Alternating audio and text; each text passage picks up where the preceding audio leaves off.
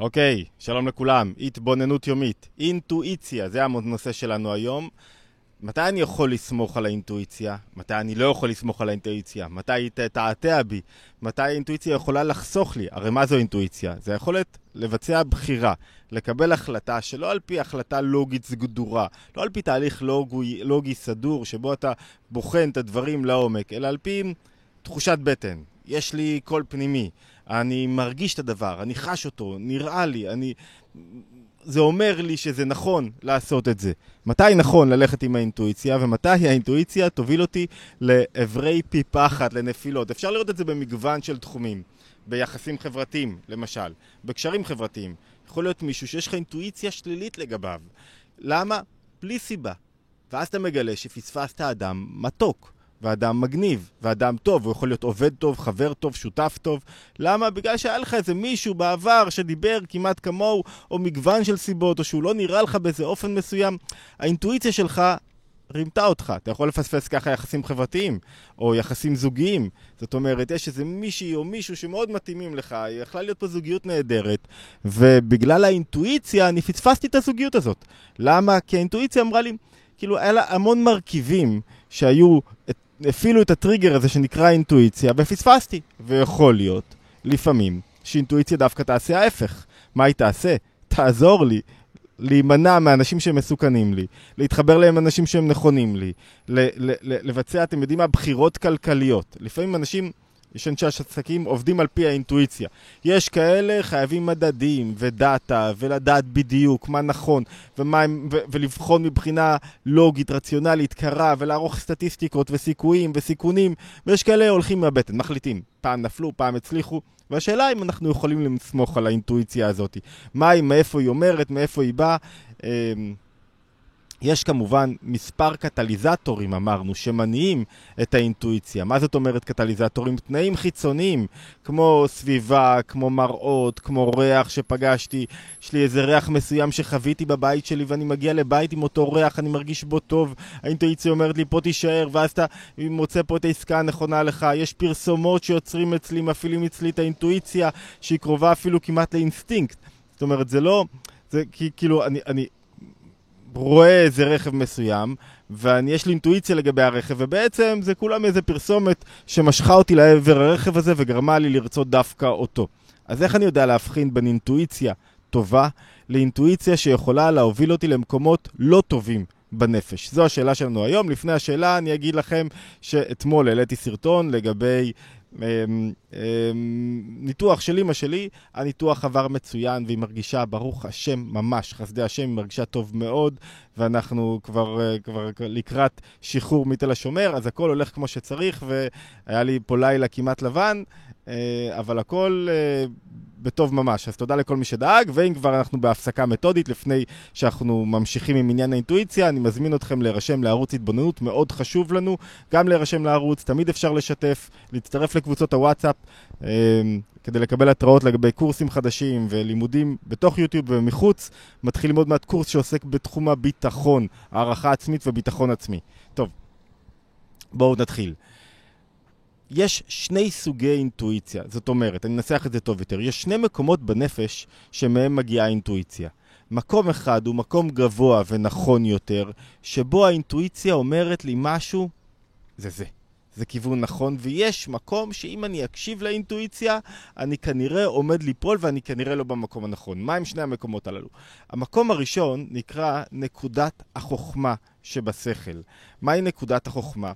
נקודת החוכמה היא אומרת שהרי המרכיב הראשון של אינטואיציה זה שאתה קודם כל צריך להקשיב, להיות קשוב לסביבה, ל- ל- ל- למה שקורה סביבך. אם אתה לא קשוב, אז האינטואיציה לא אומרת שום דבר. זה כוח נבואי שלא נסמך על שום דבר. כוח החוכמה זה היכולת שלי רגע להיות קשוב, להיות רגע במצב של איזה לא יודע אפילו, במצב של אני מזכך את עצמי לנקודה, ואז קופץ לי איזה רעיון. נוצרת לי בהירות. כוח החוכמה בדרך כלל הוא אחרי שחרשתי הרבה סביב דבר מסוים, ולמדתי אודותיו, ויש לי נתונים, ויש לי דאטה, ואז אני משחרר את הכל, עושה את עצמי כן לא יודע, כן משחרר את כל ההתלבטויות, ומגיע למקום בנפש שהוא מאוד, אה, מאוד משוחרר, אז נקודת החוכמה תבריק לי. אני יכול לסדר את כל התנאים להברקה של נקודת החוכמה, להברקה של אותה אינטואיציה.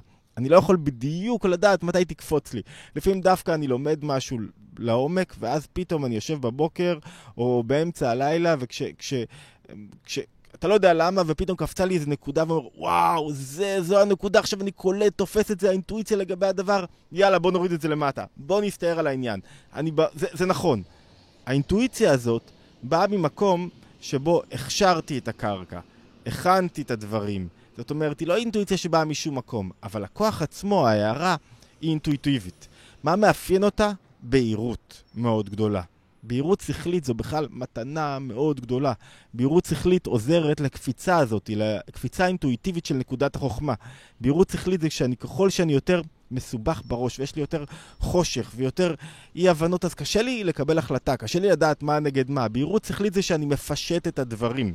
כדי לעשות בהירות זה שווה סרטון בפני עצמו, צריכים לעבור תהליך של הפשטה. הפשטה של לפרק רגע כל מיני גורמים שהם קשורים לעניינים טכניים, קשיים, ולהסתכל על הנקודה המופשטת, העיקרית, מה, מה הנקודה פה, מה העניין. אוקיי, הכוח השני שיכול, קשור לאינטואיציה, הוא הכוח הרגשי. אינטואיציה רגשית. מה זאת אומרת אינטואיציה רגשית? זה שאני, יש לי איזה בחירה, איזה משהו, ומתעורר בי איזה רגש ואומר לי, לא זה, או כן זה. זאת אומרת, הדבר הראשון שהתעורר זה הרגש. בדרך כלל, האינטואיציה הזאת תהיה מוטעית. ולמה? כי הרגש הראשון שהתעורר לי, הרגשות הראשונים שרוצים להתערער לי נקראים רגשות דה טו. רגשות שמה שמאפיין אותם זה שהם כל כולם סביב עצמי. סביב המגבלות שלי, הפחדים שלי, מה שאני רוצה, המשיכות שלי. זאת אומרת, אותה אינטואיציה אומרת, יחיאל, אתה נשאר בתוך עצמך. האינטואיציה הזאת אף פעם לא תוביל אותי לפריצת גבול ולעשות את העסקה הנכונה, היא תמיד תוביל אותי למקום הנוח, לקומפורט זון, למקום שבו אני לא יכול לצמוח, למקום שבו אני כאילו מוגן יותר, במקום שבו הרגש יוכל להתגלות בי שאף אחד יפריע לו. מה הבעיה? שהרגש הזה הוא לא, אמ... הוא לא נותן לי תמונת מצב אמיתית. הוא לא באמת מאפשר לי הזדמנות. הוא כאילו, הוא רוצה להתגלות, זה כמו לגבי חבר מסוים. יכול להיות שלפניי בן אדם מדהים, אבל הוא אמר לי זה משהו שדרך לי איזה יבלת, או שאני מפחד מהיכולות שלו, או שהוא מעפיל, מעפיל עליי בכישורים שלו, ולכן לא נעים לי להיות לידו. כי הוא, אני יודע, שחקן יותר טוב, מרצה יותר טוב, הוא עושה משהו יותר טוב ממני, ולכן אני לא לידו. האינטואיציה הזאת היא שקרית. כי אם אני לידו אני אלמד יותר, אני אתפתח יותר, אם אני רק אצליח לסלק את הרגש הזה שכרגע שולט בי, אני אגיע רחוק יותר. אבל הרגש מונע ממני, והוא כאילו אינטואיציה לגבי האדם, אבל זה לא אינטואיציה נכונה. כי זה לא אינטואיציה שבאה מנקודת החוכמה, מנקודת היכולת שלי ברגע אחד בעצם לא להיות, לא להביא את האינטרס שלי לשולחן, אלא לקלוט את המרחב שסביבי, ולקלוט את מה אומרת לי הסביבה והתנאים והדאטה, אלא אינטואיציה שאומרת לי, אני. זו אינטואיציה שיש בה הרבה אני, הרבה אני רגשי, שהוא אני רגשי מאוד מגביל, כי הרגשות הם חלק מההגבלה של האדם. למה הם חלק מההגבלה של האדם? כי הוא רוצה להרגיש, כי הוא רוצה להיות הוא, אז הוא מכניס את עצמו לתוך גבול, ככה אני.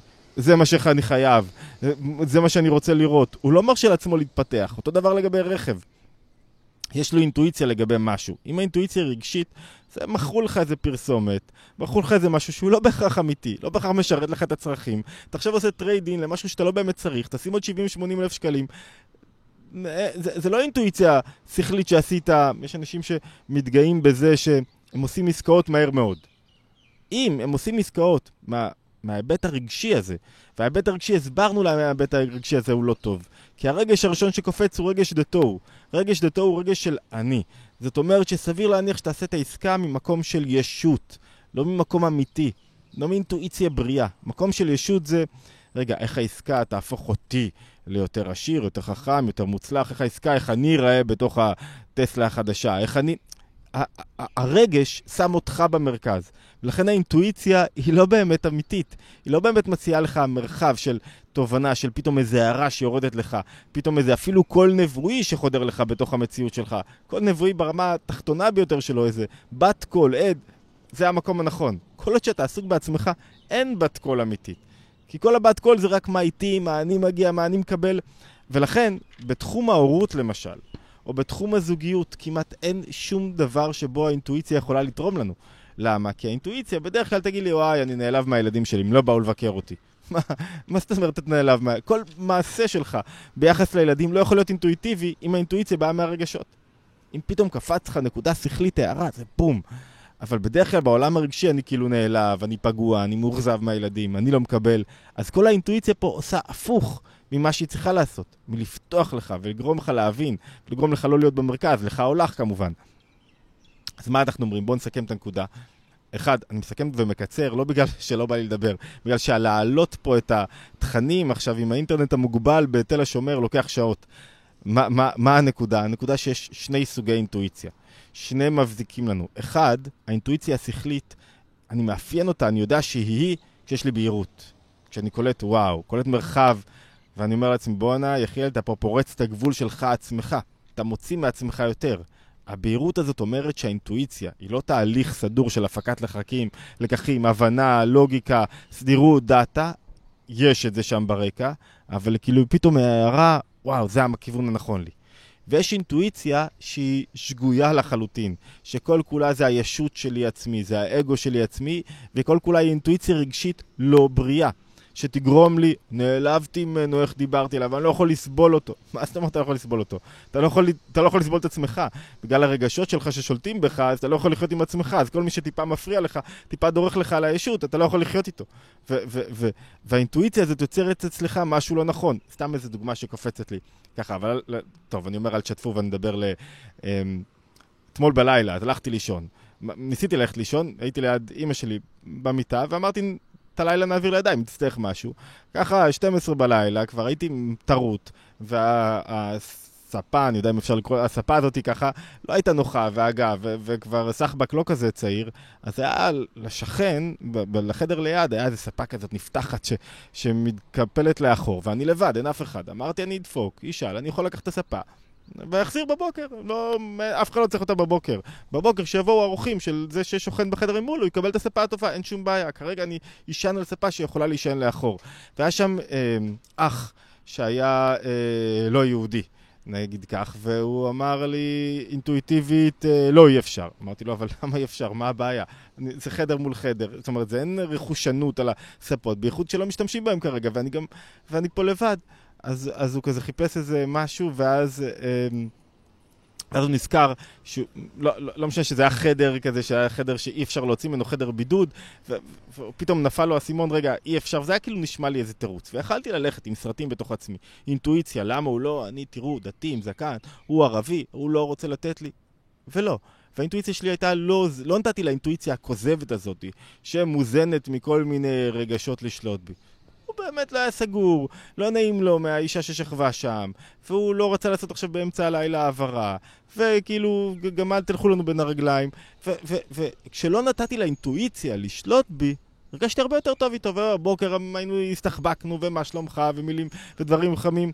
ואם הייתי נותן לאינטואיציה הראשונית לשלוט בי, הייתי גם נותן למקום מאוד... Uh, לעומתי ולא נעים, וכל הערב וכל הלילה להיות במקום לא נעים. אז אתה לא נותן לאינטואיציה הראשונית שמוזנת מאין ספור דברים לשלוט בך, וזה קורה לנו בכל כך הרבה דברים. כמה עסקים אנחנו מפסידים על אינטואיציה לא בריאה, כמה יחסים אנחנו מפסידים, מפסידים על אינטואיציה לא בריאה, כמה יכולת לראות אנשים אחרים על אינטואיציה לא בריאה. זה לא אומר שלפעמים אין מצב שמישהו מתנכל אליך או לא טוב לך או הזדמנות לא נכונה ואתה לא יכול להרגיש את זה. כן. אבל כל הנקודה שלנו שצריך לשים לב, אם האינטואיציה הזאת נובעת מנקודת החוכמה, מהבזקה או מהעולם הרגשי שלך. הרגשות שלך אומרים לך כנראה שהרגשות מתעתעים בך. ולוקחים אותך למקום מאוד אגוצנטרי של אני ואני ואני, ואני ואני ימנע יכולת ליצור מפגשים, אינטראקציות, יחסים, שעליהם מושתת כל העולם העסקי, כל העולם הזוגי, כל המרחבים שלנו ובטח ההורות שלנו. אוקיי. התבונ... אמרתי שאני אקצר, ובכל זאת הגענו ל-15 דקות. בכל מקרה, תודה לכל מי שהחזיק מעמד. להשתמע בהתבוננות היומית הבאה, וכמובן, מזכיר לכם, להצטרף לערוץ התבוננות, קבוצות הוואטסאפ, ולשתף, להשתמע בהתבוננות, בהתבוננות היומית הבאה.